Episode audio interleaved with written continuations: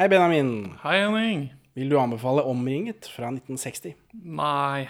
Vil du anbefale Omringet fra 1960? Ja. Perla for svin. Velkommen til Perleforsvin, podkasten for deg som ikke kunne vente på å se Aud Schønemann i sykepleieruniform. Oh la la. Oh la la. Vi er to middelmådige menn i 30-åra som ser norske filmperler, og nå er vi liksom i midten av Arne Skouen Elling Sommer. Den helt naturlige kombinasjonen av Kevin Elling Sommer. Eh, og da er vi kommet til Omringet, og, og jeg er imponert. Er du det? Det er jeg. Jeg- Jeg har jo gått og grua meg, for jeg, jeg syns dette har gått så nedover. Med spesielt Ni liv, som skal være Norges beste. Da ble jeg bare wow. Dette er jo noe av det verste jeg har sett. Det kjedeligste. Det er noe av det kjedeligste jeg har sett. Ja, den, men den inneholder som denne, da, i min mening, ting som fungerer. Ja, jeg synes, men du, du leide kanskje denne på Filmarkivet, du? Eh, Jeg abonnerer der, så der får jeg denne gratis. Ja, Eller som en del av abonnementet. abonnementet. Du må dele passordet ditt med meg, for jeg gidder ikke. Men uh, jeg så den her på YouTube, og det kan ha trukket opplevelsen ned. Det kan hende. Alle som heter Marit, de får sterke unger. Nødlanding, da er det krig på landet. Og så er det Ni liv, da er det krig i skauen, holdt jeg på å si. På fjellet. Ja, i nord. I nord. Og nå er det krig i byen. Ja. Så jeg vet ikke om han har tenkt på det når han har eh, jobbet med det. Det virker som han har prøvd å dekke flere sider. Her får jo kvinnene i større grad delta litt mer, da. Ja, men her er det mer som skjer, syns jeg, i forhold til de andre vi har. Eller mer som mer gripende som skjer. Det skjer jo en del i nødlanding også, det er bare Det er ikke så interessant. Men dette er jo basert på virkelige hendelser. Det, er jo alle disse filmene nesten enn så lenge. Selv Ja. om ikke vi finner noe belegg på det i nødlanding. Har du sett noe på det? Uh, nei, men jeg er kjent med den historien her fra før av. Det er jo en uh, Kon-Tiki-fyren som er i hovedrollen Ja, her. det stemmer. Uh, I filmen så heter han vel Per, men det er basert på Knut Magne Hauglands illegale telegrafistasjon på loftet over kvinneklinikken på Rikshospitalet. Ja, Det er en sånn liksom legendarisk greie fra krigen. Altså at han kom seg unna, da, selv om han var omringet. ja, for han skøyt seg vel ut. Men han, Knut Magne er født i 1917, og eh, i 1941 så blir han arrestert av statspolitiet, men flykter og blir innrullet i Kompani Linge. Og i 1942 så blir han sluppet i fallskjerm over Hardangervidda som en del av fortroppene til Vemork-aksjonen.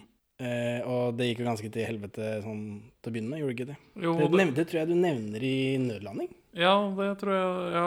Vi snak, jeg snakket vel noe om at Nei, eh, jo, nei den, i Ni liv er det. Det er denne, den ordren fra Hitler om å bare skyte alle kommandosoldater.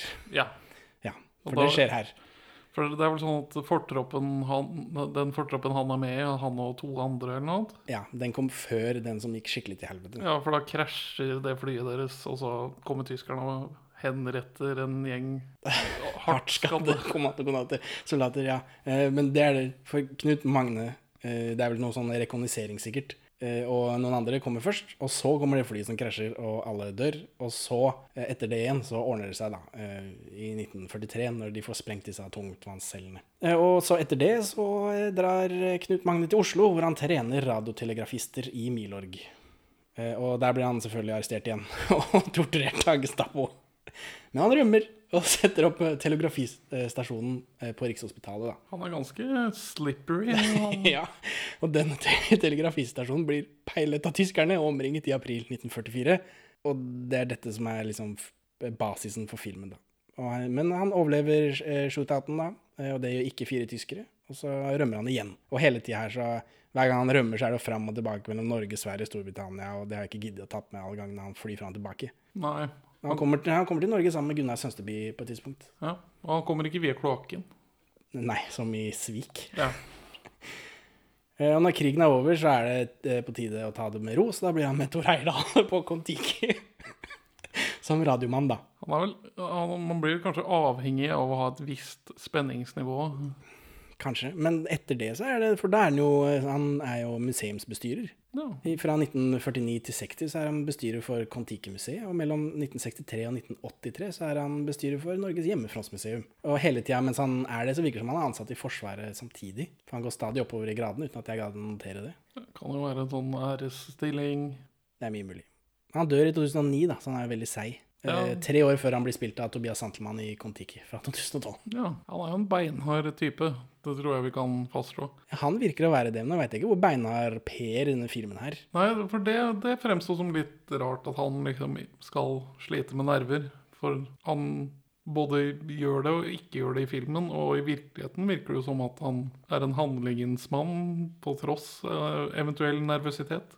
Ja, Tenker du på at Per i filmen her virker å lide av PTSD i eh, rammefortellingen? Eller eh, Det ikke så veldig, i Nei, nei, det er derfor jeg syns ikke Jeg spurte ikke noe særlig PTSD her. Han er litt sånn bekymra over at han gjemmer seg bak kvinner og barn Ja. i filmen. Og så er han eh, skyld, skyldtunget når han kommer tilbake i, Ja, i rammefortellingen. Men ja, det er jo han overlegen som refererer til at han hadde så nerver under krigen. Men han blir jo svett når tyskerne kommer for å ta han. Men, Det ville jeg vært òg. Ja, ærlig sak. Husker du vi snakket om kulturfilmer i episode 43, Benjamin spesial, En dag på kino i 1943? Mm, Ja, så vidt. For det er disse korte dokumentarfilmene som folk måtte lide seg gjennom før de kunne se den ordentlige filmen de hadde tenkt å se på kino. Ja. Eh, Og grunnen til at det var sånn, var ikke bare fordi folk skulle bli tvunget til å lære noe, men eh, mellom 1920 og 1969 så ble film beskattet med en luksusskatt. Ah, Men det statlige støttesystemet ble regnet som en slags refusjon av denne luksusskatten, da. Så du søkte støtte, og så tenkte du på det som en sånn refusjon på denne ekstraskatten. Men dokumentarfilmer var fritatt fra luksusskatten.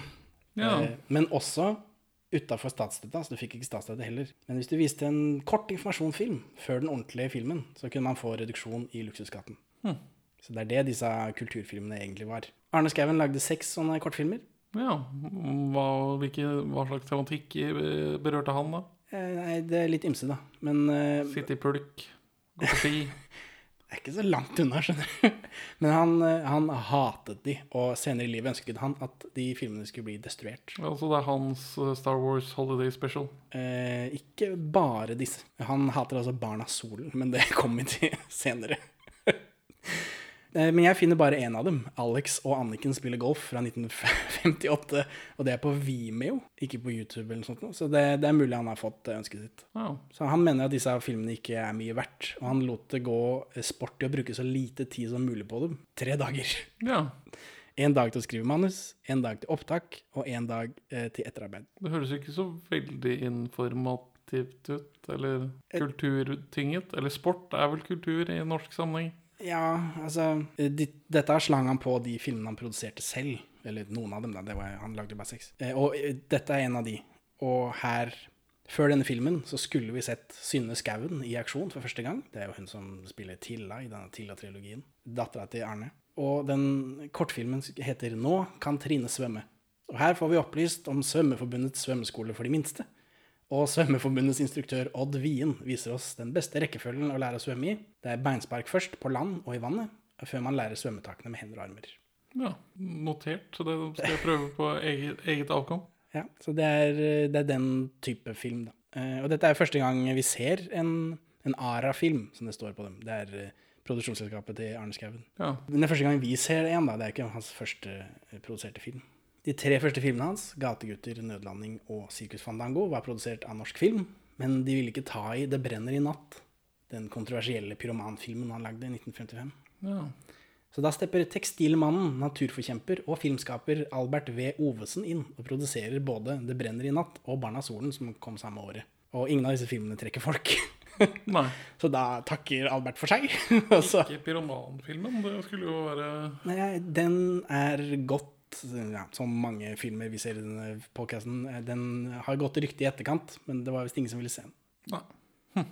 Og den var liksom for skummel for folk. Eller den Når jeg leser om det, så får han, den får mye kritikk for Å nei, eh, nå ser folk at eh, det er gøy å brenne ting. Alle kommer til å ville brenne ting. Det er det greiene der. Ja. Den er farlig å vise, fordi folk kommer til å ville brenne ting. ja, det var vel ganske hardt på i Norge ganske lenge, egentlig. Og brenne ting. Altså, sånn typisk den Hollywood-regelen om å alltid vise at det går dårlig med kriminelle. Ja, ja. Det gjaldt vel i Norge òg. Ja. Så, men det var i hvert fall ingen som ville se den. Ni liv er produsert av noe som heter AS Nordsjøfilm. Ja. Som Gunnar Iversen beskriver som kortlivet, altså produksjonsselskapet. Eh, Men som regnskapstall.no sier blir likvidert i 2001, så hvem vet. ja, det hender man bare lar firmaet stå til tørk. Ja, ja.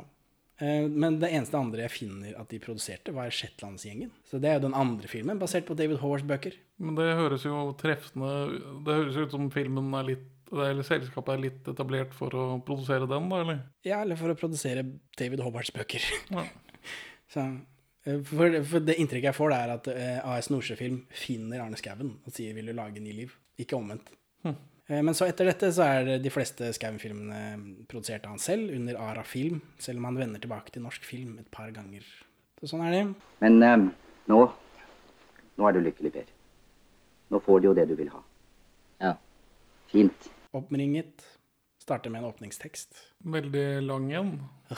Er Men det virker ikke som han har noe Det virker ikke som det er noe skam rundt det. Han starter jo alle disse filmene med åpningstekster.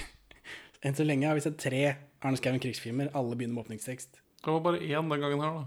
Ja, én skive, ja, men den var ganske tettskrevet. Ja, det er vanskelig å lese. Jeg orka den ikke, så jeg leser den først nå. ja, det, jeg har oppsummert det. Det er eh, Ingen av personene er ekte, og de spinner historien fritt. eh, Men dette skjedde. Kors på halsen. Signert AS, altså Arne Skouen. Ja. Så, og det, nå stemmer det, virker det å stemme, da, i hvert fall, i motsetning til Nødlanding. Men hva er greia med Arne Skouen og umotiverte rammefortellinger, Benjamin? Han må ha sett en eller annen Hollywood-film og bare 'Dette grepet her, dette vil, dette vil gi noe til alle filmene mine'. Ja, her er det mindre umotivert, kanskje. Eller den Ni liv også leverer i den siste delen, i den eh, lokkedelen av rammefortellingen. At han liksom kaster fra seg krykkene og ser så heltemodig han er. Men det punkterer på en måte overlever han-biten, som Ja. er resten av filmen.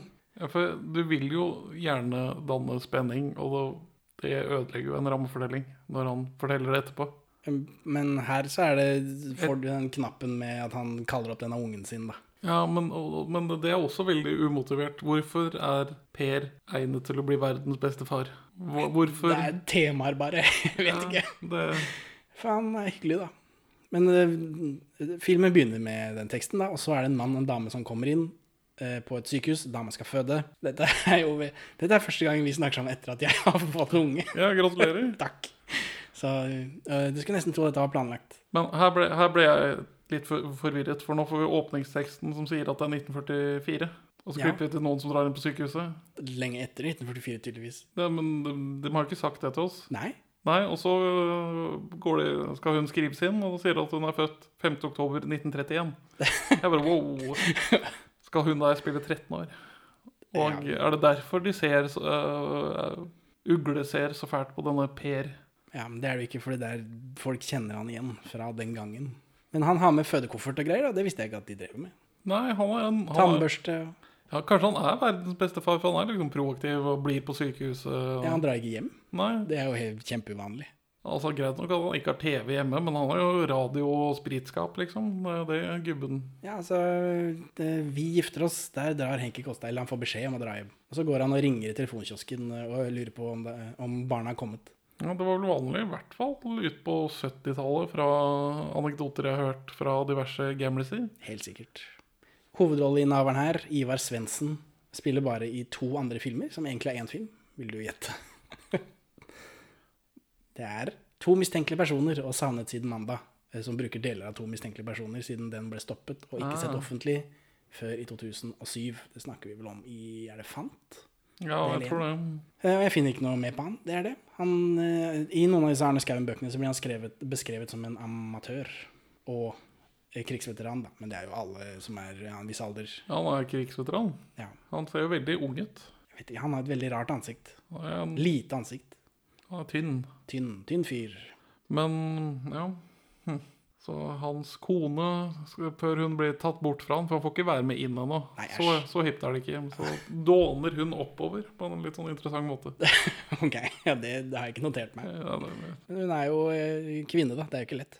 Men angående hans amatørskap, så begynner vi vel å ane et mønster av at norske skuespillere har godt av å være amatører. Jaså? Jeg Det hender jo støtt og stadig barneskuespillerne kommer bedre ut enn de Ja. profesjonelle. Så Ja, å ikke ha stått på teater og driti deg ut, er Jeg fordelaktig. jeg har notert meg Ivar Svendsen her som det dårligste skuespillerkortet. Ikke 100% ræva, men av de andre så ble jeg eh, mindre imponert av eh, hans lavmælthet det ble verken irritert eller imponert. Og da må jeg nesten si meg fornøyd. et par reaksjoner her hvor han bare overspiller helt eh, for jævlig. Så det er vel kanskje det jeg har uh, kryssa av i blokka mi. Men denne resepsjonisten da, som tar imot disse folka, eh, drar kjensel på Per og ringer noen som tydeligvis var der under krigen. Og så står Per i gangen, han hører barnegråt, og så flasher han tilbake til tysk sang og marsjerende føtter. Ja, Spennende grep, som du syns, antar jeg? ja det, det liker du det var jo gøyalt. Ja, dette liker jeg også. Jøsses. Eh, Ja, for det er, det er litt mer subtilt da enn dette Grand Hotell på fjellet og telefonkiosken med nakne damer. Ja, og dette er evokativt uten at du liksom får svar. Ja, og han står bare og er liksom og er bekymra. Svetter. PTSD. Ja, det er vel det som blir liksom PTSD-en, da, men samtidig ja, Vi får ikke noe ri rikere innblikk, annet enn at han syntes det var vanskelig. Ja, han syns det er vanskelig å være tilbake her hvor det skjedde, virker det som. Uten at de sier det, selvfølgelig. Men... Og så spør de om Per skal være der og vente, for det er ikke vanlig. og så at han sikkert vil snakke med overlegen, siden de kjenner hverandre. Og så kommer Rolf Kirkvaag. Ja, er det, er det Rolf Kirkvaag? Han så kjent ut. Ja, han skal ta imot barnet. Øh, Han spiller overlegen. Jeg håper noen andre er der for å passe på barnet. Eh, altså, Rolf Kirkevåg, dette er jo hans eneste skikkelige filmrolle, så jeg burde hatt et ordentlig dypdykk i, i mannen og legenden Sjunkel Rolf. Eh, men jeg er mellom to hjem for tiden, så både Kom nærmere og Kom ikke nærmere er pakket ned i en eller annen eske. Både hans biografi og Trond Kirkevågs biografi er pakket ned i flytteesker sitter på et sånt lager som Indiana Jones. Og, men jeg kan, heter, heter eh, Rolf sin bok kom, ikke, 'Kom nærmere', og så heter sønnens bok 'Kom ikke nærmere'. ja, for den, Trond Kirkevågs bok spiller jo på Rolf Kirkevåg sin. Ja, det, det skjønte jeg. Ja, for du ble virka så overraska. Nei, nei, jeg, derfor. bare, jeg, jeg har bare ikke fått eh, den biten med meg. Ja, ja. Så det får bli en annen dag, når vi kommer til uh, husmorfilmen 'Slik ville ha det' fra 1955 eller noe sånt. Da. Eller Nor han er med i Norges første fargefilm også, 'Smugler i smoking', som Ja. ikke jeg klarer å oppdrive noe sted. Vi får eh, mase på cinemateket. Ja. Men jeg kan oppsummere Wikipedia-artikkelen hans, da. Så har, jeg liksom, så har jeg liksom gjort noe, så får vi ta hans forhold til sin sønn uh, senere. Rolf Kirkvaag er Norges første kjendis, sier noen. Ja, det har jeg hørt. Men hva med Erik Bye, hører jeg du sier. Ja, Hva med Erik Bye? Eh, Erik Bye begynner ikke i NRK før i 1958, tolv år etter Kirkevåg. Og Kirkevåg er mer en radiokjendis, tror jeg. Eller han kommer jo på TV også, men han var radiokjendis når alt man hadde var radio. Mens Erik Bye er en veldig sånn en skikkelig TV-kjendis. Ja, for Rolf blir liksom ikke gjenkjent på gata nødvendigvis i starten, mens By blir vel det. Ja, altså Rolf Kirkvaag han, i, han var jo kjendis i 14 år, da, uten at noen så ansiktet hans. Fordi Ja. det var- var ikke TV. Det kan jo hende de hadde aviser. Det kan hende, men altså By er mer en sånn TV-kjendis, en svæv TV-kjendis i dress. Mens Rolf Kirkevåg kunne vel sitte naken hvis han hadde lyst. Det kan fort ha hendt. I 1956 så datt han ned i et Heron-fly i det som kaller, kalles Hummelfjellulykken. Har du hørt om det? Det, det ringer en bjelle. Hvor to døde og ti overlevde, inkludert Rolf Kirkvaag. da. Flyet iset ned og krasjet i en snøfonn på Hummelfjell i Tolga kommune, og Kirkevåg underholdt eh, og holdt de andre overlevende våkne gjennom natten, før han og en medpassasjer gikk for å finne hjelp dagen etter. Og letemannskapene finner sporene deres, da. Eh, Og, og alle ti ble etter hvert reddet. Hm. Fikk han uh, kongens fortjenestemedalje for edel dåd? Det vet jeg ikke, men Kirkevåg sier hadde vi ikke gått, hadde vi ikke blitt funnet, iallfall ikke i live. Og hun ene passasjeren som er i live 50 år etter, som har gjort en del i forbindelse med at det var 50 år og bla, bla, bla, eh, mener at Kirkevåg var en helt som gjorde en stor innsats. Så det kan hende at det faktisk ikke bare er ljug denne gangen når vi rapporterer om en, en eldre kjendis som sier han har gjort noe fantastisk. Nei, ikke dårlig. Ja. Men altså, Kirkevåg regner ikke med muligheten for alive-scenario. De hadde jo to døde. Og det rekker ganske langt på ti stykker, det. Eh, ja, altså, de kunne jo spist de døde, men de ville vel kanskje unngå det. Det er mer, det er mer en sånn dag tre-ting. ja, og hun som overlevde også sier at hun hadde noen koteletter med seg, sa hun til Rolf Kirkvaag. og Han sa at det må du ikke si til noen, for det kan hende vi må være her lenge. Så de kunne spist de kotelettene først. Ja, det kan være lurt. Hvis ikke hun ville spare dem til dessert, da, eller til hjemturen. I 1958 slutter Kirkevåg i NRK, til alle stores eh, overraskelse, eh, og blir direktør i det nystartede Dypfrysningskontoret. Ja, for det, dette har jeg sett noen på TV en gang. ja, hvor han skulle overbevise husmødre eh, om at dypfrysning ikke var farlig eller noe. Eh, Tyskerne hadde store fryseanlegg, og folk forbandt enda dypfrysning med invasjon og dårlig mat, så Kirkevåg skulle trygge husmødrene, da. Ja. Hvordan har det gått med hans misjon der, tror du? Syns du? Det er vel en dypfryser i alle norske hjem, er det ikke det? Det er jo det. Eh, Så, men dette, så det betyr jo at eh, når han spiller i Omringet, så jobber han ikke i NRK. Men i 1969 da, så kryper han tilbake til NRKs trygge favn, selvfølgelig. Og der treffer han en annen TV-legende for første gang, Titten Dei. Det er 1971. Oi, oi, oi, oi, oi, onkel Rolf. Er det ikke sånn han prater? Jo, det er noe sånt. Og så er det noen poteter som er litt mer annerledes enn andre. Ja, det er det. Ja, Og det er i grunnen veldig fint. Ja, hvorfor det Ja, for hvis alle potetene skulle være like runde, for eksempel, Ja. så hadde det blitt kjedelig. ja. og de fortsetter å ha programmer til ut på 90-tallet. Og fra 1973 til 1985 er han også leder i radioens underholdningsavdeling. Ja. Det er det jeg har om Rolf Kirkevåg i dag. Vi får ta han igjen senere. ja. Han og hans litt problematiske forhold til sin sønn. Ja. Sin sønn Trond, ikke sin sønn Rolf. Rolf Kirkevåg jr., ishockeyspiller og jeg tror han spiller Stumpa, en Stumpa-film. Han, når Trond Kirkevåg eh, hadde skrevet denne boka si og sa at eh, det hendte Rolf senior var slem, så sier Rolf eh, junior at nei, ikke merka. Så det Jeg vet ikke. Vet ikke hva som har skjedd der. Jeg har ikke kommet så langt til å lese de bøkene ennå. Men Rolf Kirkevåg spør i hvert fall hva moren heter. Hun heter Marit. Og alle som heter Marit, får sterke unger. han sier det, men eh, Min mor heter Marit. ah, Er det det, ja? Kjempegøy. Kjempegøy. Jeg ble jo putta i fengsel en halv time etter at du forsvant. Men de visste jo ikke stort. Så jeg satt et år til freden kom. Og da rusla jeg fra fengsel og hit opp. Og ble her. Men, eh, men Per får iallfall flashback igjen, da. Etter at han har møtt denne legen. Ja, han, og det var han som liksom disser han da for at han ikke eide nerver under Ja. krigen. Ja, for nå får vi liksom inntrykk av at de kjente hverandre, og, eh, og de snakker sammen om det de har gjort siden sist. Jeg tror ikke de sier hvor lang tid det har vært, men det virker som det er noen år, da. Ja, Og Per sier han har vært skipstelegrafist, så han har mistet kontakt med alle, egentlig. Men sånn på ordentlig så var han jo på Kon-Tiki. Så ja men hadde han radioansvar der, da? ja, ja. Hvorfor, hvorfor, hvorfor tar du med denne telegrafisten på Kon-Tiki hvis ikke han skal drive med telegrafi? Hvis det kommer en gjeng eh, haier, og de må skyte seg ut, da, så er han god å ha der. Det er sant, han er god på å skyte seg ut, altså. Og legen satt i fengsel, ble satt i fengsel omtrent en halvtime etter at han dro sist, og satt der i et års tid inntil freden kom. Og så er det snakk om en Anne, som tydeligvis er død. Ja.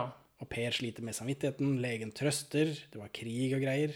Det er, det er ikke noe farlig med hun Anne. Hun Det var krig. Ja. Hun, hun syns det er helt greit. Hun er dau uansett. Og så Ja. er det flashback, da. For Anne ville ikke føle seg død, så hun måtte gjøre noe. Og dette medførte at et eller annet skjedde. Ja, for vi ser jo i filmen da at Anne tar grep om egen situasjon, og hun vil bidra i denne i, i krigen. Mm, ja. Men vi kommer tilbake til det. Det er litt Det gjør vi. Så er det flashback igjen. Og nå går vi ordentlig tilbake, da. Nå er det fly, det er fallskjerm, det er noe klatring. For han har jo blitt sluppet ut av fallskjerm, da, Per. Men da, da begynte du å bli nervøs, ble du ikke det? At nå skal det bli veldig mye å komme seg over fjellet. Nei, jeg kjente ikke på det ennå, for det går såpass fort at han blir smuglet inn med en Esso-tankbil. Eh, Og hvem er det som kjører denne SO-tankbilen? Det er eh, Benny, Det er Benny. Det er Sverre Holm. O. Tidemann. som er veldig kjekk i den filmen her. Ja, han er jo ikke så gammel, eh, må være, da. Nei, men altså han er, Han er jo den unge i Olsmannen fra 1969. Ja, ja, men det er et par pjoltere mellom Olsmann 69 og denne, så han er veldig sånn stram i fisken. Fresh, ja. Ja, nei, Jeg vet ikke hva jeg skal si på det. Ja, han er fresh. Det er 1960, dette. Jeg må vifte meg litt av eh, unge Sverre Holm. Du dåner. Nei, jeg sparer meg til unge Aud mann. Hey, yo. Eh, For han blir smugla inn i byen da, med denne tankbilen, og det går helt greit. Og så klipper vi til Alf Mallan, som ligger og sover. Så kommer Per og, og han smugleren inn, Sverre Holm. Og Per gir en melding til Alf om at Alf må dra til Sverige, men Alf vil ikke dra. Han drar De andre får heller dra til helvete. Ja, han, litt, han, han har noe han jobber med. Han er snurt for et eller annet. Ja, her er det noe som ikke vi får beskrevet eh, ennå. Og Sverre Holm er Hardhendt. Ja, eller ha- eh, Sverre Holm angriper Alf Mallan for å ta pistolen hans. Og så sier han at Alf er gæren, og så går Sverre, da. Men de sier vel også direkte ut at altså, enten så drar du, eller så må vi blæste deg. Ja, ikke direkte, men så direkte som de vil. Og det er jo noe Milorg dreiv med under krigen. Fra Ja, deres liste over rundt 180 likvideringer, så er det en fire-fem som knakk under presset og ble skutt for operational security. Så Det dette sa i hvert fall Milorg-folka som sitter her etterpå. ja, ja. Eh, ja, men ja, det virker som Alf Mallan er klar over det også. Han bare bryr seg ikke. Han tenker på noe annet. ja, vi får ikke vite hva ennå, da. Nei, de sier han er gæren, og det kan jo kanskje hende, tenker jeg, i denne scenen. Men det viser seg at han har andre motivasjoner. For han, han er frimann. Det er kodenavnet hans. Og Benny er Tyri hans. ja, stemmer. Jeg fikk ikke med meg hva Per sitt var. jeg. Nei, ikke peiling. Han sitter bare og piper med morsesignalet sitt. For Per truer Alf med at eh, han er gæren og kanskje han må ta han av dage. Eller så truer, altså truer han også med om at han må sende melding om at Alf er gæren, så noen andre kommer og tar han av dage. Ja. Og Alf sier da ja, ja, whatever, jeg skal dra til Sverige, da. Herregud. Men gjør han det? Nei, han, han gjør ikke det. Nei. Per blir plassert på taket av Rolf Kirkevåg. Kirkevåg snakker om sin kone Anne. Anne må ha noe å henge fingrene i. Fade til Anne, som spiller dritten ut av et piano i pysjen. Ja, veldig hardt. Yes, Hvem er dette, da? Jeg husker ikke navnet. Nei, det, hun heter Kari Øksnevad. Hun er datter av Toralv Øksnevad. Vet du hvem det er? Nei. Det er stemmen fra London. Ja. Eh, og hun er kona til Arne Skouen. da. Og pianist. Hun må være i sving bestandig og må ha noe å henge fingrene i.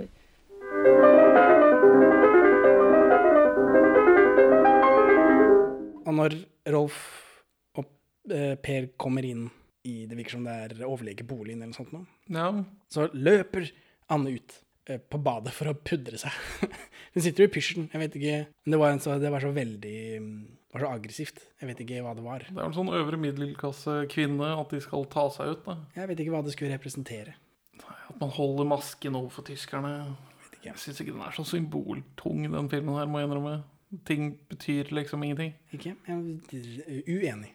Her er det jo masse. Det er liv, og det er død, krig, eh, nystartet liv. Egentlig mest nystartet liv. Det er jo en fødeavdeling, dette. Ja. Så, men hun løper inn på badet for å prudde seg, og så snakker de sammen og, og har det helt greit. Og så klipper vi til Alf Mallan, som pakker sekken og trasker av gårde til en blokk? Spørsmålstegn. ja, for er det noe Frimann gjør mye av i den filmen, der, så er det å spane. Ja, han ligger mye ute, ligger mye ute i buskene utafor denne blokka. Og så klipper vi til det jeg tror inn, er inne i blokka. Og der ligger Henny Moan på en sofa og snakker til en tysker i, i sånn eh, allo allo-frakk. Ja, veldig parodigestapist. Ja, dette går jo på tysk, så det skjønner jeg ikke noe av. Eh, Men det er også en annen tysker der, tror jeg, som går i normale klær. Så jeg vet ikke Han var kanskje noe, en annen type tysker, da, ikke Gestapo. Og så Hva het den uh, Flekkefjord-krigsfilmen vi så? Det er eh, det største spillet. Det største spillet. Og der, for her får vi Frimann driver og prøver å ringe dit. Og hun driver og motsetter seg ting og er snurt med at tyskerne har henne under oppsyn. Ja, Og da er det, også- er det en sekvens hvor hun slår et glass med melk utover gulvet. Ja, jeg, hadde, jeg tenkte kanskje det gir mening hvis jeg hadde forstått hva de sa. Jeg forsto det sånn halvveis, så nei. Nei. Men uh, jeg det, det, grinte vel for at de liksom har flytta inn i leiligheten hennes og skal ta uh, gubben hennes. Så vi, vi har melk i denne, vi har fløte i det største spillet, Ja. og så er det den melkesekvensen i Enda en melkesekvens her. i Inglorious Bastards. Ja, men det er melkesekvens til Ja, det er sant. Det er sant. Men ja, hva er det med melk og krigen? Jeg vet, det, jeg vet det var sparsomt med melk å få tak i, men det Nei, jeg vet ikke. Jeg tror Tarantino trekker nok på denne filmen. Ja, det, han har jo sett alt. Sto på en VHS-kopi i en videobutikk i Los Angeles i 1984. Henny Moan er jo fryktelig gravid, det er derfor hun ligger på sofaen og, og svetter og er fæl. Men det ser jeg ikke her, så jeg tenkte hva er dette for noe? Hvorfor ligger hun der? Er hun syk? Hva er dette? Men eh, det kommer fram senere. Og så får vi en sånn montasje der hvor tiden går, Per sitter og morser, folk blir født. Folk marsjerer. øh, Eliassen er på taket og maler rødt kors. ja. Eliassen også. Kul fyr. Ja, han, han likte jeg godt. Ja. Eh, Joakim Holst Jensen. Rumpa-Anders, vet du. Er det Rumpa Anders? Nei, nei, det er det ikke. For han var 79 år og sikkert opptatt. Eh, Så derfor har Arne Skouen funnet en annen fyr med bindestrek etternavn til å spille Eliassen. Egil Hjort Jensen. Ja. Eh, Og han var teatersjef ved Den nasjonale scenen i Bergen under andre verdenskrig og utmerket seg spesielt i arbeidet med å holde teatret utenfor NS kontroll gjennom hele okkupasjonen. Yes. Og han hadde tusen småroller som dette da. Og han ble spesielt husket for sine komedier og farser. Og han er jo god her, så jeg tror på det. Han er veldig god. Han, han, ja, han er herlig. Han liker jeg godt. Han han- er en sånn rumpehandlerstype. Det, Ja, han har mye godt å komme med, og øh, artige kommentarer. Og... der han virker gjenkjennelig. Ja, det er sånne raringer man treffer Ja, han er på sånn sin vei. skolevaktmester-type. Han bare gjør det perfekt. ja. ja, nei, han liker jeg godt. Har du sett en fødsel noen gang? Ja, ja, ja. Jeg måtte være jordmor sjøl for, for tre av dem, sånn som vi bodde. Ja, det gikk som et år i aline. Det var bare balje med varmt vann og, og brette opp armene og si noen oppmuntrende ord til kona. Ja, du kjenner deg så trygg når du får unger. Så rart det er. Eh, men så kommer Sverre Holm med en etterlyst eh, plakat av Alf Mallan. Ingen har hørt fra han, eh, ikke nordmennene og heller ikke tyskerne. Og Sverre Holm må gå i dekning fordi Alf er ettersøkt. Fordi hvis de tar Sverre Holm, så Eller Ja, fordi hvis de tar Alf Mallan, så blir han rulla opp, eller hva. ja, for det, Grunnen til at han skal eksporteres til Sverige, er fordi at han har trent opp tolv telegrafister og vet litt for mye. Alf Mallan, ja. Ja. ja. Så derfor blir det også snakk senere, da, at eh, han drar jo ikke. Vi må, han har trent opp 12-15 sånne radiofolk. Hele, masse folk. Vi kan ikke Han, han må skytes. Kommer det fram senere. Men så er det mer eh, morsing. Eh, morse Vi klipper til St. Andrews Cathedral i London. Det er en enda en morsom montasje. Dette er mye av. Men nå begynner peilingen. Ja, Og den lyden av peilingen, den kjenner vi igjen. gjør vi det? De gjør dette i det største spillet. Ja, men ikke med det samme lydbildet. Ja, Det vet jeg ikke. Jeg bare kjenner den der rundingen som går rundt. Ja, de, de bruker de peileapparatene for å triangulere, som det heter, seg inn til signalet. Men den peilelyden, den er veldig tidlig i hvor kul liksom, analog syntlyd, eller hva det er, eller om det er den ekte lyden som kommer av at tyskerne prøver å jamme signalet. Here we go again.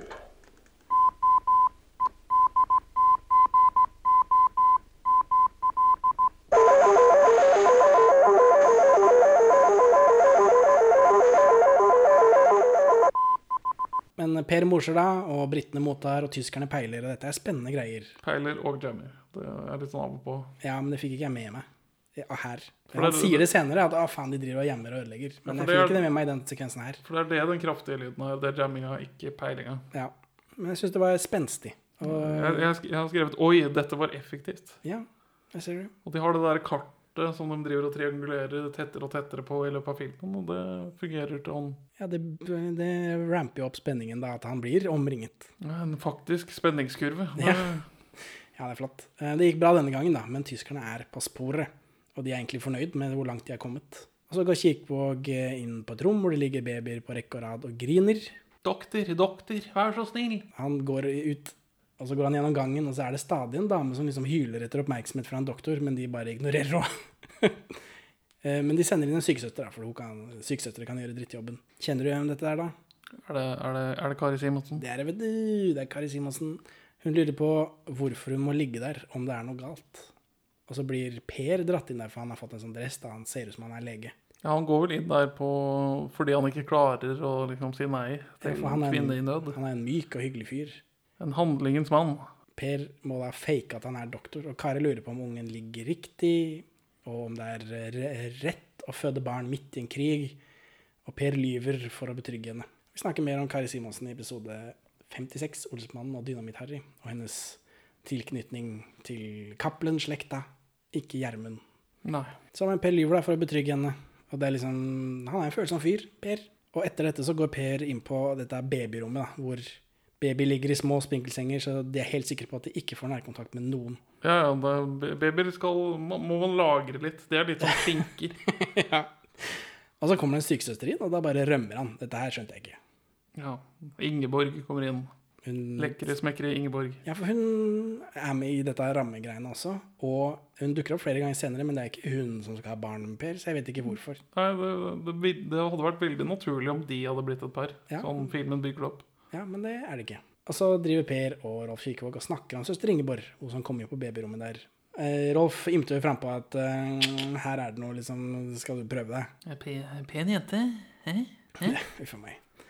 Mens Per mener at krig er for ensomme ulver, og det er bare trøbbel med kvinnfolk. Og, og Rolf tilbyr han da å være med på en fødsel, så kanskje han vil tenke bedre om kvinner da. Ja, det var, det var Altså, ja, Rolf har vist noe litt sånn lummert kvinnesyn her og der, men akkurat det for, ja, for når- de, han i rammefordelingen blir innlagt på sykehuset, så sier han vel at eh, 'jeg skal gjøre deg til far'. Og da, Det reagerte jeg litt på. Er sånn, hmm, jeg vet at du bidrar i denne prosessen, men er det i hovedsak du som gjør han til far? Men så kommer her at kvinner skal ha respekt for at de klemmer ut småjævlene. Så er det en annen scene hvor Per og Anne, da, kona til Rolf, eh, dekoder meldinger som han har fått, tror jeg, Ja. på kjøkkenbordet der. Og så er ikke Per så god på alminnelig høf høflighet. Nei, nei. Men dette her, etter ting jeg har lest på internett, altså vanlige samtaler, Twitter og sånt noe, så virker det som dette er noe folk spør, folk som ikke har barn. Ja. For Per spør hvorfor Anne og Rolf ikke har barn, og hun sier det er fordi hun ikke kan få barn, og det er jo veldig kleint. Det blir Ja, veldig kleint. Helt ekstremt. Ja, jeg syns det er uhøflig å spørre. Og han sier at han kanskje ikke får noen heller, som om det, liksom, som om det skal være trøst. Altså, altså, Han mener det er 50-50 om han får eller ikke. Hva- og at han ikke har tenkt på det før han kom inn på sykehuset. hva er den statistikken derfra, lurer jeg på? Nei, jeg vet ikke. Han føler vel da at det er 50-50 om han har lyst på barn, kanskje. Ok, ja, må...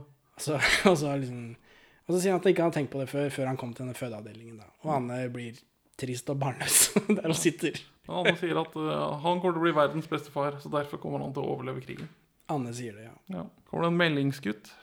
Som vi ikke ser igjen, så det syns jeg var rart at han dukka opp. Men eh, ja, Ja, og, og, han blir pusha på noe melk, rett fra kanna. som han da bælmer ned i én. Yes. I bytte mot at han får ta med melk til å ta med søstera. Eller han blir først ivrig, da. Men for han sier kan jeg ikke ta med denne, den melka her hjem? For han får en sånn kanne. Kan ikke jeg ta med den hjem fordi søstera mi trenger? Og så sier hun andre at nei, du kan ta hele den eh, flaska her sånn, bare du drikker den først. Og da bælmer han den eh, kanna in cam, gulper i seg. Eh, så godt er det ikke med melk, ass. Nei, men når du er på det fjerde året med krig, så er vel kanskje melk blitt veldig godt igjen. Det kan hende. Vet du hvem dette er, da? Nei. Det er Kjetil Bang-Hansen. Bror av Pål, selvfølgelig. Ja. Wikipedia sier at han regnes som en av Norges som en av norsk teaters mest anerkjente nålevende regissører. Han har vært rektor ved Statens teaterhøgskole, teatersjef ved Rogalands teater i Stavanger, Den nasjonale scenen i Bergen, Nationaltheatret og Oslo Nye. Men hvem bryr seg egentlig om teater? Pål Bang-Hansen valgte rett karrierevei. Korrekt. Pål Bang-Hansen gikk forresten filmstudier ved Centro Sperimentale i Roma i 1960, så det er sikkert derfor ikke han har blitt hauka inn her. Han må Ja. inn bror. Så, men, men han kom jo aldri tilbake, Kjetil Bang-Hansen, så det, det var litt pussig. Men reaksjonen hans når han får vite at grunnen til at det er mye melk, er fordi at det er en fødeavdeling Han bare Å, er det morsmelk? Men han virker jo ivrig. virker som han vil, vil ha mer av det da. Ja, Det er jo veldig næringsrikt, da. Det er mulig han, de vet det. ja, ja det er skrint med næring. Men det er ikke morsmelk. Men eh, altså, NS klarte å holde forsyningen av mat gående ganske bra under krigen, så det ble aldri noe hungersnød. Nei, Har du husket noe, å takke din lokale NS-mann i det siste? Jeg har jo sett en del Filmavisen fra tiden, så det er mye mas om selvberging. Så det, folk måtte nok jobbe litt i tillegg. Ja, det var ikke bare NS som sto Nei, for det. det tror jeg ikke. Men Per har fått melding eh, via morsapparatet, tror jeg, om at Alf Mallan er observert, og at de må få tak i han. Ja, hvordan, hvordan, hvorfor, er, hvordan er London så hippe på ting? De har jo fått, Det er jo flere peilere, eller morsapparater rundt omkring, kanskje. Ja, men jeg, jeg tror ikke det er så mange i Oslo på tidspunktet. Ikke peiling. Det skjer i hvert fall i filmen. Så, og Anne blir sjokkert over at hjemmefronten er ute etter Alf i tillegg til tyskerne. Ja, for her, kommer, her er den hvor kvinner er myke og menn er harde greia. Ja. Litt inn. ja og så er altså Per ymter frampå at kanskje Alf er ikke så hard. Alf er syk. Eller han, per er redd for at Alf kanskje er syk, eller at han har blitt glad i noen, som er det verste du kan gjøre i en krig, tydeligvis. Mm. Det siste er jo det som stemmer, da, viser det seg. Men, eh, og her kommer denne hvor Alf ringer til Henny, men Henny har fortsatt tyskerne på besøk. Så er det veldig sånn ekspresjonistisk og fint hvordan de liksom klipper hvordan Erna Skauen klipper her. Og de tar ikke telefonen oppe. Jeg vet ikke hva var dette Du som er eh, krigshistoriker, hva var dette? Hvorfor tar de ikke telefonen? Hvorfor er det et poeng å ikke ta telefonen? De vet jo at de er der. Eller Alf Mallan vet at de er der. Hva, hva er dette? Hva, Det er vel kanskje for å få han til å tro at han kan komme dit i en tom leilighet og kanskje finne noe hint til hvor hun har blitt av. Men ja, det er Men det, det også virker det som de vurderer å ta telefonen og bare sånn Ja, det var Hallo, de er Gestapo i tida. Det er spennende, spenning i sekvensen, men jeg forstår ikke hva det var sånn når sekvensen var ferdig. Nei. Så, men så kommer det en ny eh, morsemontasje. Per morser, England morser, tyskerne peiler. Og så er det skyting. Og det er Alf Mallan som man prøver å skyte seg inn til Henny Moan. Ja. For Henny, og her ser vi da at Henny er supergravid. Og så mm, kommer han seg unna, og så Ja, for han kommer ikke inn. Det, han blir stoppa, eh, men han overlever da og kommer seg unna. Og så kommer Tom Tellefsen, med flatt hår denne gangen. Karsten i Gategutter. Ja. Og han ser veldig mye eldre ut. Han er jo også en del eldre. Så Ja, det er han et ser- stykke fra Han ser litt sliten ut. Ja, det er et stykke fra 49 til 60, da, hvis du var 16 i 49. Ja, men han ser ut Han ser 20 år eldre ut. Men uansett så kommer Tom Tellefsen til Anne med en melding, for han er også en Milorg-type da. Og så får jeg ikke vite hva den meldingen er, gjør vi det? For nå klippes det til Henny som kommer til kvinneklinikken med en tysk vakt. Og meldingen som Tom Tellefsen kommer med, er at han må ha hjelp til å ta Alf Mallan av dage om han kommer til sykehuset, fordi han vet tydeligvis at Henny kommer med tysk vakt. Og at Alf Mallan har rotta seg borti Henny. Og, og Anne er ikke fan av dette. Nei, ta, de, de tar seg av. Hva betyr det? Ja, hun, jeg, jeg ville vel kanskje også hatt det i klartekst hvis, det var, Ja. hvis jeg var der. Skal vi, skal vi knerte den? Ja, fordi hun, det føles litt som hun er dum, men det er vel bare Jeg ville også hatt det i klartekst, liksom. Ta han, hva betyr det? Hva mener du med det? Men så kommer Per etterpå, han er dum, han vet ikke hva det betyr. så, så, men også viser vi også en av disse sprinkelsengene på babyrommet er en radio, som aldri kommer tilbake. Men eh, gøy. Ja, litt gøy. Og så er det en sekvens hvor Anne spiller piano igjen. Yes. Og da er gitt at de driver og ta, det nettopp har kommet en, en av meldingene som har kommet, har vært om at det skal komme et slipp den og den datoen. Så skriver jeg i notatene mine 'Kanonene spiller Chopin'. Og så sier de rett etterpå at uh, Benny ikke våkner av at hun sitter og spiller Chopin for harde livet. For 'Kanonene spiller Chopin' er et kodeord under krigen for å varsle at det kommer dropp til Nordmarka. Ah, da er det mulig de har tenkt på det. Det føltes litt sånn ut, i hvert fall. Ja, jeg regner med det. For her hun spiller piano, her jo Sverre Holm sover, og Per kommer inn. Han liker nå kommer dette at jeg liker ikke å skjule meg bak spedbarn. Han vil dra videre før han blir tatt. For han vet jo at han er i en litt sånn utsatt posisjon. Men Sverre sier at han må bli. Eh, alle er forvirra på hva som egentlig skjer med Alf Mallan. Hvorfor han plutselig har gått rogue. Så det virker ikke som de vet det. Nei. Men Tom Tellefsen vet det av en eller annen grunn. Det antar jeg siden han dukker opp. Når Henny dukker opp. Og så vil Anne bli kurer for hjemmefronten. Hun går med noter frem og tilbake til musikkskolen hvor hun tydeligvis jobber, hver dag. Så hvis man skriver meldingen i noteform, så kan hun bare bære dem av gårde. Og Sverre Holm da må høre med Rolf Kirkevåg om han syns det er greit, som om ikke Anne kan bestemme det selv. Nei, hva, sier overlegen? Kvinner er eiendeler, tross alt. ja. Men det er visst greit, da. Sånn litt motvillig, selvfølgelig. Vi har alle sammen ansvar gjøre så mye, så mye som vi kan bære. Og Sverre gir Anne en cyanidpille som aldri kommer igjen. Nei, En sånn selvmordspille, da. Jeg Ja. tar det cyanid uten at jeg kan noe om det. nei, nei, jeg tror det er korrekt. Den kommer ikke igjen. Den trodde jeg skulle bli brukt til noe. Og så drar Sverre til Sverige. Ha det bra. Siste vi ser han. Fram til Olsmannen, selvfølgelig. Eh, og så er det Alf Mallan igjen. Han lusker rundt blokka. Mens tyskerne er inni der, mens Henny ligger i sofaen igjen. Og jeg trodde Henny og tyskerne var dratt fra føde. Her er det noe rot. Ja, de, de var vel bare inn for å sjekke hvordan det gikk med henne etter dette dramatiske. da. Ja, det virker jo sånn, da. Men vi får et At det var en sjekk, bare. Altså, Jeg vet ikke om dette er et bilde for å illustrere i hvor dårlig form hun er i graviditeten, men det starter på veggen på et bilde av Henny Mohan Moan som det ser ut som går på vannski. Og så drar det med til ja, jeg så det.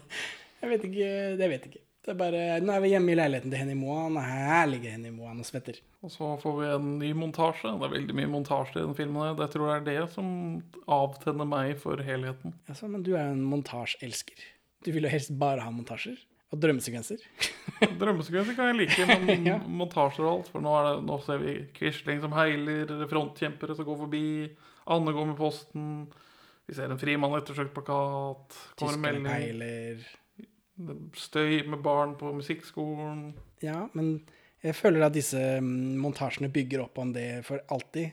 Så er det morsing og tyskerne peiler. Jeg føler at det bygger om at denne denne kartet til tyskerne med den trekanten hvor de peiler inn, at den trekanten blir mindre og mindre, og vi nærmer oss det sykehuset. Så de forstyrrer ikke meg, de bygger opp under spenningen, disse montasjene, for meg, da. Og de er ikke så lange som de kunne vært i Nei, mange nei, andre det norske er filmer. sant, men det, jeg syns det blir litt for mye gjentagelse. Mm, Det, Ja, det rimer, ikke- da. Det er poesi. Vi, vi er ikke kommet til den verste gjentakelsen i filmen ennå. Ikke fortell meg at det er krig. Jeg vet det. Styr det nå. Det kunne jeg sagt til deg da du sto der inne og sippet over livet. Nå skal vi se hvor mye det er verdt. Altså, nå kommer Henny, nå skal Henny føde, med keisersnitt og greier. Ferdig, eh, fa, farlige greier. Og da her insisterer Per på å bli med fordi Alf ikke kan være med. Så nå virker det som de vet det, Ja, uten at han sier fordi Alf ikke kan det være har er ikke kommet helt tydelig frem, nei. Nei. Men Per insisterer på å være med når hen skal føde. Han skal i hvert fall være med, hvis ikke liksom, barnefar kan være med. Og vi skal ta keisersnitt da, med en tysk vakt til stede. Alf lusker på sykehuset. Tom Tellefsen sitter i vinduet. Må, jeg må ta en liten tellepause her. Én, to ja, I hvert fall fem. Jeg tror det er seks til og med. For nå får vi en lengre sekvens hvor det veldig ofte klippes til Alf Mallan som står på et, ved et hushjørne og ser utover et gjerde til høyre. ja. ja, han driver og lusker på sykehuset, da. Ja, ja, men det er ikke så effektivt fortalt. Jeg skjønner at han gjør noe relatert til å få tak i Henny Moan Han er, jo, han er jo stressa da, fordi han skal ha unge og greier. Og så kommer han ikke inn, for han er ettersøkt. Og det plaga ikke meg at det var mange ganger. Jeg har ikke tenkt på det. Jeg ble irritert, for det er, en så, det er en så utrolig lite fortellende shot, og så bruke den så mange ganger mellom veldig separate sekvenser. Ja, det jeg, jeg, Jeg vet ikke, han, eh, han lider, han vil inn, men samtidig så ser vi også Tom Tellefsen som sitter og spaner etter hvor er Alf Mallan som jeg kan skyte han i huet. Og så er det unger og greier, eller dette fødegreiene. For Kirkevåg opererer Henny Moan, og så kommer det en baby da, og den ser ut til å være ekte og fersk. Ja, Med navlestreng og liksom Her har Arne Skouen brytet seg inn på en fødestue. ja, det er ikke noe dukke her i gården, nei. Og så er det veldig sånn trist stemning, så det føles som det har gått dårlig med Henny. Selv de to øh, umenneskelige tyskerne blir nervøse av øh, å være med på et keisersnitt og liksom holder rundt hverandre etter hvert. Ja, men ungen blir i hvert fall tatt med ut, da, så de er helt sikre på at den ikke får noe nærhet. Ja, når, når ungen, ja, selvsagt. Når ungen blir født, så tar tyskerne til og med og senker smeiserne de holder. altså ikke de skal liksom blæste både Henny Moan og den ungen. Eh, Men Per rømmer også rommet. Han blir uvel av dette. Eller, her føles det som Henny Moan er død, men det er hun jo ikke. Hun har det helt ålreit etter, Ja, det er, situasjonen. Så det, hva dette er, vet jeg ikke. Men Per er en veldig svak fyr. Så at han rømmer ut, eller en, en myk fyr, så at han rømmer ut, det, det får så være. Men det er sånn dårlig stemning i rommet. ja. Jeg vet ikke. Han rømmer i hvert fall inn til Anne og Tom Tellefsen, og Anne ber Per om å få Tom Tellefsen ut. For hun er lei av at denne hitmanen sitter i vinduet hennes. Og Per skjønner Her skjønner ikke Per at Tom Tellefsen sitter i vinduet der dag ut og dag inn for å likvidere Mala, eller Alf Mallan. Jeg, jeg skjønner han ikke det, altså? Nei. Han Nei. Det sitter en snikskytter i vinduet der inne. Han skal ta seg av den gærne faren til det barnet du er så henrykt over. Du tror vel ikke han skal likvidere Frimann? Hva skal han gjøre? Kjenne på ham? Med alle midler? Ja, men Anne, vi er vel ikke alltid herre over I natt er dette en skitten krig. Men iallfall så jager de Tom Tellefsen ut, da. Og her sier de da at Alf er instruktør for 15 telegrafister, og hvis han blir tatt, så blir hele greia rulla opp, liksom. Og det er, så han, Tom Tellefsen da, sier at han at Per bør dra, og for denne situasjonen er en rottefelle. Ja. Det er liksom, og det merker vi jo her. eh, Ting samler seg rundt dette sykehuset, og det, her er, eh, det blir bare verre og verre, dette. Trykket stiger. Og eh, innad i Milorg så kalte vi jo da folk som likviderte angivere og provokatører for rottejegere. Ref. eh, den seneste Max Manus-forfattede boken som nylig kom ut. Stemmer. Krig er for ensomme ulver, det. Vil du ha trøbbel, er det bare å rote seg bort til jenter. Du skulle være med på en fødsel en dag. Så snakker du ikke så hovent om jenter. For nå eh, driver Rolf og Anne og snakker om barnet. Det er pent, det har det godt. Eh, Anne sitter oppe for å se etter Alf. For nå har jo Tom Tellesen flytta seg fra vinduet, så det er plass. Eh, Hun sitter oppe for å se etter han, helt til hun sovner. Og så blir tyskerne sett av Eliassen, som er oppe på taket der og maler hver gang Per sitter innom morser, så er han oppe og maler sånn kors for at ikke de skal bombe det. Eh, Og, eller han er jo der for å holde utkikk, da. Og de kjører rundt i en fiskebil og peiler. Nei, ikke en fiskebil. En sånn En bil som selger fisk. Nei.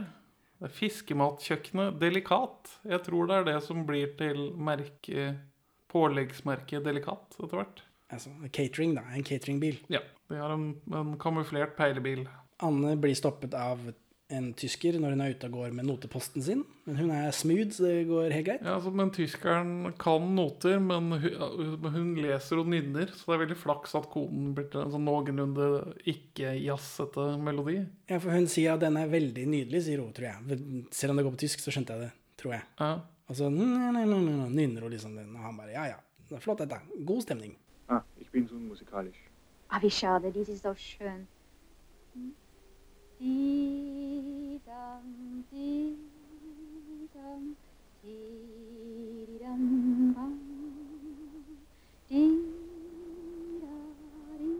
Så driver Anne og Per og jobber med meldinger, og så kommer Eliassen og sier ifra at tyskerne har, eh, er i nærheten. Har vært i nærheten. Og så sier de For han, Eliassen sier vel, Frimann henger på alle plankejernene som en annen trekkspillkonge. Ja, dette er et Oslo jeg vil se, kjenner jeg. ja, for her er det snakk om disse plakatene, antar jeg, på plankegjerdet, men hvem er denne trekkspillkongen som hadde mange plakater? Det virker som det er flere trekkspillkonger til. Som Ja. en annen trekkspillkonge. Altså, er ikke det et sånt åpent begrep? Jeg vet ikke. Vi finner vel Om ikke det er én spesifikk trekkspillkonge han tenker på. Trekkspillkongen eh, Bernt. Ja. Han var kjent i 19, hele, på hele 1930-tallet. Han har plakater over alle plankegjerder. Gjør et søk på trekkspillkongen, da. Se hva som dukker opp. Nå skal vi prøve søkeverktøyet Hotbot. Det er nytt og ganske fancy. En liten konkurrent til Altavista f.eks. og Yahoo. Det er, virker som det er trekkspillkonger i hvert eneste fylke og eneste by. Ja. Telemarks trekkspillkonge Hilmar Fredriksen. Trekkspillkongen Roland Sedemark er død. Larviks trekkspillkonge Henrik Torbjørn Thorsen. Freddy Christoffersen, trekkspillkonge, drev i sin tid en kristen bokhandel. Det er masse trekkspillkonger som dør, så det er ingen spesifikk. Atter en trekkspillkonge. Løvenes trekkspillkonge. Wow. Trekkspillkongekrabbe, jeg vet ikke. Eh, trekkspillkongens tale. Wow. Mordene i trekkspillkonge. Kongo. Kongo. Trekkspill-Kongo. Hva er det Kvitebjørn eh, trekkspillkonge Salomo. Ja, den, den var fin. Du så ikke om de arresterte noen? Nei. Og denne Frimann skal jo kjenne fjeset på. Han henger jo på alle plankegjerder, akkurat som en annen trekkspillkonge. Per har sending om et kvarter, så han drar etter det.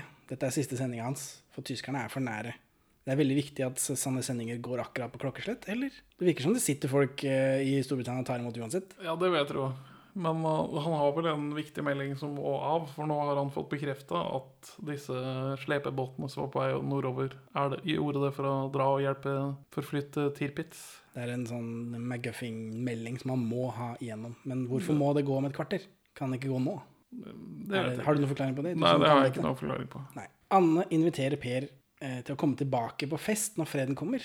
Her er det nesten en romanse. De har bruker veldig mye tid sammen. Ja, Er, det, er, det, er det bra for filmen at ikke de gjør det? For det er det for klisjéaktig om de hadde gjort det? Er Arne Skouen feig som ikke gjør det, eller er han lur som ikke gjør det? jeg syns det er vanskelig å lande på noe, for det er noe sånn uavklart spenning der, kjennes det ut som. At han er litt på flørteren med hun, men han har også Ingeborg, som han heller ikke gjør noe med. Han er jo Ja, eller Inneborg eh, skjønner jeg ikke noe av. Jeg vet ikke, det, det er jo ikke noe romanse her. Jeg fikk ikke sånn superfølelsen at han liksom prøvde seg på noe heller. Han er, han er så myk og Men Det blir den greia når han skal pynte seg når han kommer på besøk. Og... Jeg vet ikke. Jeg vet ikke om det bare er et gjensidig eh, respekt, eh, vennskap. Et gjensidig vennskap fylt av respekt. Vet ikke. I dag hadde det i hvert fall vært- et trekantdrama, dette. Garra. Og så er det Eliassen. Han går ned med noe utstyr i fyrrommet. Noe illegalt utstyr, om det var morsegreier eller hva Jeg tror han skulle bare hente øh, kofferten til Eller det, det han Per skal ha med seg. Det kan hende. Det var noe illegale greier, i hvert fall. Og da får vi Frimann versus Eliassen, Ultimate Showdown. Ja, for Alf er nede på dette rommet, og han sikter på ham med pistol. Før de skjønner at de er på samme side, og det er liksom greit. Og Eliassen gratulerer med ei lita jente, og han sier at Henny har det bra. Så her får vi vite det, da, jeg som trodde hun var dau, eller hva. Og så eh, Og det er liksom, da er det greit, da. Da skal Alf eh, trenger ikke å skyte flere folk enn han eh, trenger. Når han kommer opp til Når Eliassen kommer opp til overlegen, så møter han først på Anne. Ja, for han vil jo ha tak i Rolf, da. Altså, jeg tror det er best om overlegen får høre dette først, det, frue. Ja, for han er jo ikke et viktig menneske. Men hun social engineerer han og sier at ja, som kone så er det veldig mye jeg får høre først. Og da bare skriker han det ut. Fri meg ned i kjelleren! ja. Og Anne sier da at de må få Alf ut eh, for å spare Per og Rolf for jobb. Altså, hun sier til Eliassen at nå er du og jeg, vi må jobbe. Eh, Ikke, la oss ikke bry Per og Rolf med dette. For er det fordi hun mistenker at de vil ta livet av han? Ja, det er utvilsomt. Så hun er jo mye snillere og hyggeligere enn enn andre folk. Det var jo krig, da, for faen. Man kunne ikke få at man visste hva trua på livet. Men han er jo ikke tatt. Alf. No. Så er det noe morsing. Per morser, London mottar, tyskerne peiler, tyskerne jammer. Og så peiler de seg ganske ferdig. Nå er den trekanten blitt eh, voldsomt liten. Og så, så har visst Anne fått Alf ut av, for nå klipper vi bare til den der eh, musikkskolen hvor det er en fyr som spiller utrolig ræva på fiolin, en gutt.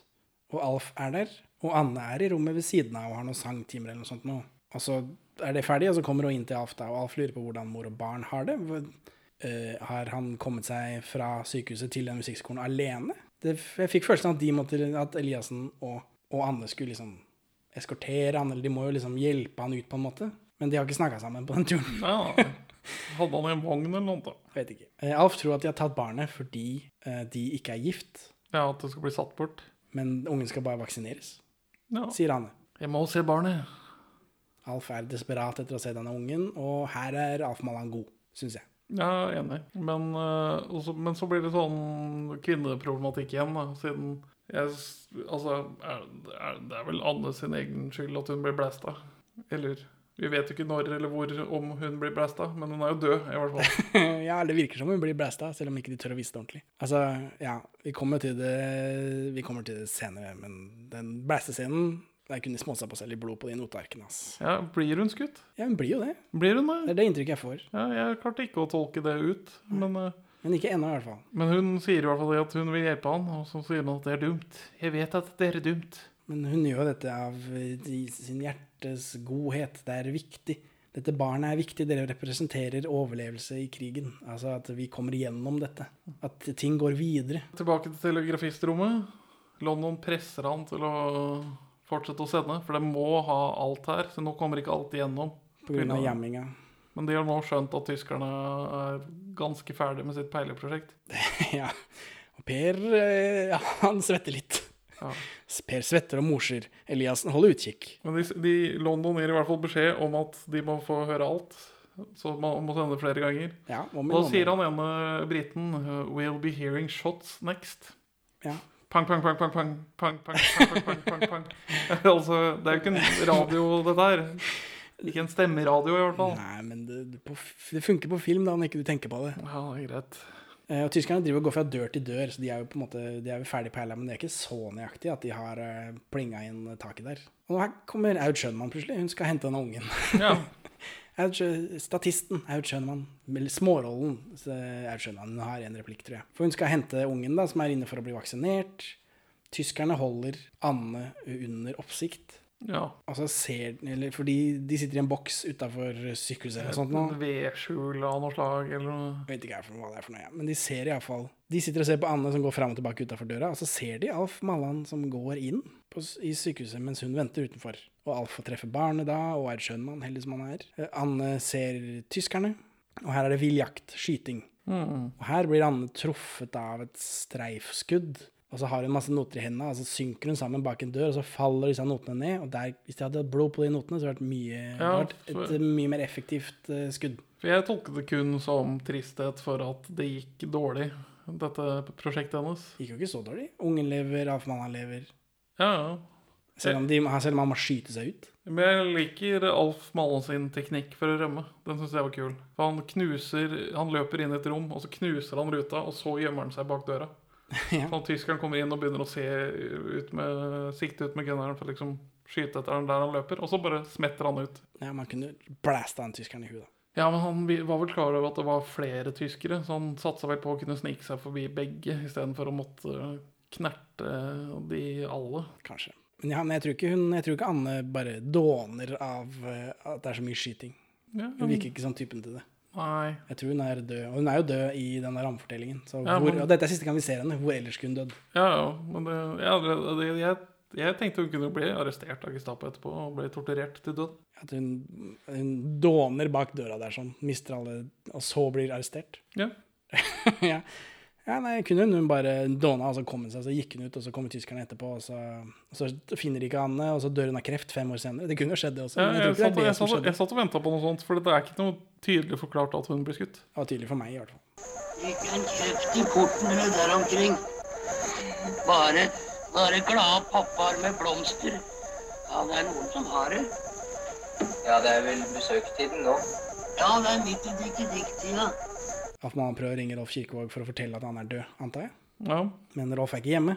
Så er det noe mer skyting, fordi Rolf eh, er eh, Han tar runden, tror jeg. Sånn, det, tar runden, er ikke det det heter? Når leger går fra rom til rom. Go round. Og så er det, så er det mer, mer, mer eh, svetting og morsing på Per. Eliassen holder vakt. Men nå kommer tyskerne, sier Eliassen. Ja, gata er full av dem. Ja, og Per presser gjennom den siste meldinga, og så Wish, wish me good luck er vel det siste han sender. Det kan hende. Men eh, hva er det Eliassen sier om at det, det er mye fedre utafor? Det Rett før tyskerne kommer, så er det bare masse fedre. Ja. Det er midt i besøkstida. Eller det er besøkstida. Fedre med blomster, sier han. Ja, og det er midt i dikki-dikk-tida. Om dik, ja, ja, ja, han sier 'dikke Dick, det at de skal komme, og 'dikke dikk', at du kiler ungen under haka. Ja, jeg tror- det er ikke Dikke Dick Dickens, det kom ikke før tenkte, på 50 ja, det vet jeg, da, men Dikke Dick Dickens Altså Dikke Dick kan jo være en referanse til et eller annet annet ja. krim som den parodien bygger på. Ja, ja. Dikke Dick Dickens. Jeg tenkte var- Dickie Dick Dickens! Jeg tenkte det var veldig dårlig gjort av, av eh, sykehuset å sette besøkstida midt i krimtimen. ja. Midt i detektimen. Uh, nei, jeg tror det er eh, bare at det er sånn man sier til barn på uh, 40-tallet. Ja. We must have every bit of it. Tell him to hang on. We mustn't miss a word. We'll be hearing shots next. For Per rømmer. Altså, tyskerne driver og skyter rundt på loftet, og Per kryper ned i en ventilasjonssjakt eller noe. Men Ja. den butter i et stup, så han må krabbe tilbake igjen. Og da får han bare vente til de har marsjert forbi. Men dette er en veldig god spenningssekvens. Dette er action på høyt nivå. Ja, for nå ligger jo Per under gulvet, på, eller altså mellom Han ligger under gulvet på loftet og over taket på siste etasje, mens tyskerne driver og går over han. Og han er jo svett og, og klam og fæl, og så kryper han fram, og så ah, shit, vi må rygge tilbake, ah, shit. Og så kommer han ut, og så er det noe skyting og greier, han må snu retrett, og han beiner av gårde, og den skytinga av tyskerne treffer et vannrør. Og i Hollywood så hadde dette vært damp, for der er alle rør er damp i Hollywood. Det er kjempeirriterende for oss som jobber med rør. Ja, Som vet at ikke alle rør er damp. Ja, faktisk. Men her er det vann, da, så det er jo fint. Så kudos til Arne Skouen eh, for det. Mm, Treffer frem til rørfolket. ja. Per rømmer ned trappa. Rolf Kirkevåg bare fortsetter runden sin, later som ingenting, selv om det høres skudd. Ja, og det, det også syns jeg var effektivt. Eh, Jeg vet ikke helt hva det rørte i meg, men det var noe. Ja, Og så er Per ute, det er masse skyting, men han kommer seg unna. Denne filmen heter 'Omringet'. Selve den der utskytedelen gikk fort og greit. Det er ikke det det handler om. No. Kanskje litt for fort. Ja han kunne dratt ut litt mer, men han ble maskingeværskudd ved beina hans. Og... Men, men for, for han skyting, og så klatrer han over et gjerde, og så løper han av gårde, og så er vi ferdig med filmen, på en måte. Da er det tilbake til den der dumme rammefortellingen. Medium dumme rammefortellingen. Kunne vært verre. Ja. Så det, liksom, det var litt sånn antiklimaktisk at det var det. Og så får du, så er det liksom dette som er klimaks, eh. Og nå er vi eh, tilbake i nåtiden, og da er det en søster som kommer med blomster, for Per har jo sovna inne på denne overlegeleiligheten. Fordi i gamle dager så var det lov å ha med blomster inn på sykehuset. Det er det jo ikke nå. Er det ikke det? Ikke da jeg var på føden her for noen uker siden, for det er sånn allergifritt. Ah. Eh, blomstene er jo fra Rolf til å gi til Som Per skal gi til sin kone når hun føder. Og så legger Per en blomst ved portrettet av Anne, som står på pianoet der. Ja, så var det noe snakk om at han, han skulle få høre resten av en melodi etter krigen. Ja, for det er det som skjer når hun inviterer ham på fest, så spiller hun piano, og så sier hun hør på dette, blip, blip, blip, og så stopper vi, så skal du få resten etter krigen. Men det, det føltes ikke ut som en fortsettelse. Kanskje en sånn lavmælt versjon. Jeg kan ikke noe om det, men jeg antok at det var det. Og det er det Men, viktigste. det, det, det, var, det, var ikke, det var veldig annerledes fra det vi hørte sist. Så det kan hende at dette var liksom lounge-versjonen. Sånn for å Det kan hende, fordi når legger denne, Per legger denne rosen ved portrettet hans, så hører han piano. Som, det er jo ingen som spiller piano, det er jo inni hans hode. Nå spiller jeg de første taktene av Tirpitz av Schumann. Jeg kommer alltid til å kalle denne romansen for Tirpitz heretter.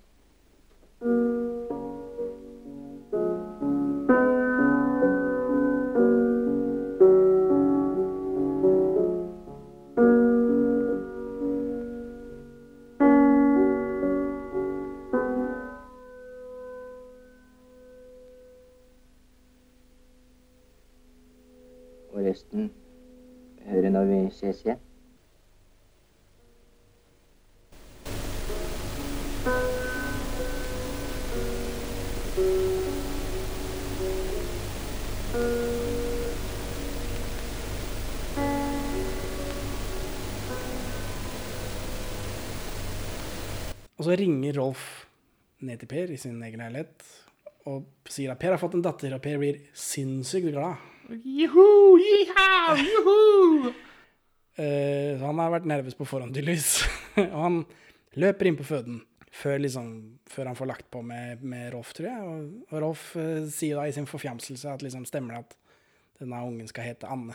Og så blir det en sånn rar kontrast mellom den hvor den triste stemningen med å legge ned den blomsten, og han, måten han spør om ja, stemmer at hun skal hete Anne.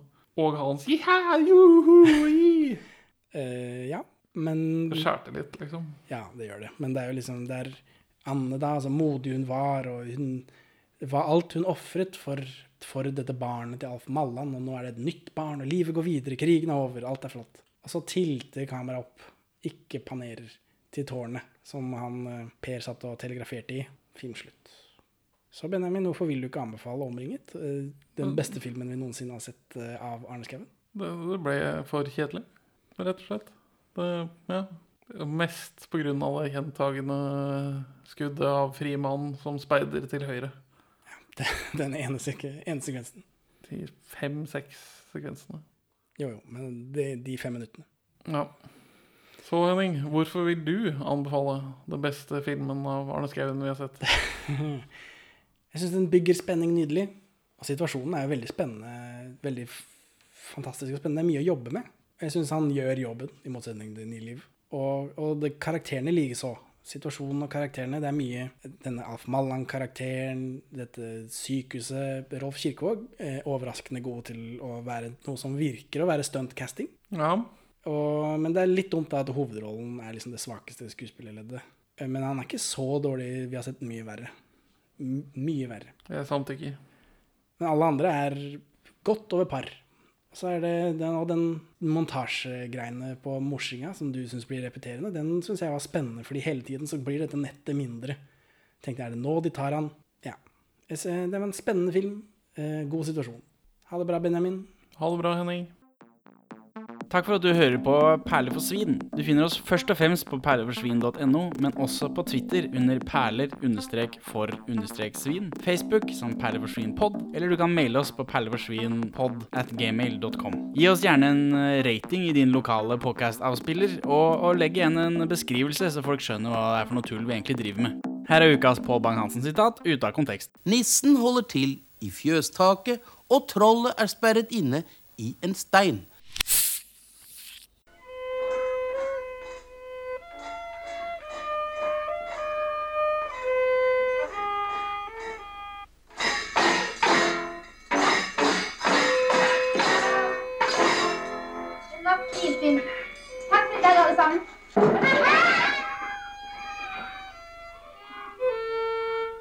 Men hva betyr egentlig rottefelle? Følg med i en senere episode. Eh, Det er en skibinding, eller hva tenker du på? Nei, Elling, Elling 3. Å ja. Ja. Følg med, det blir neste uke. Så den burde, den burde skrevet med tre lilling.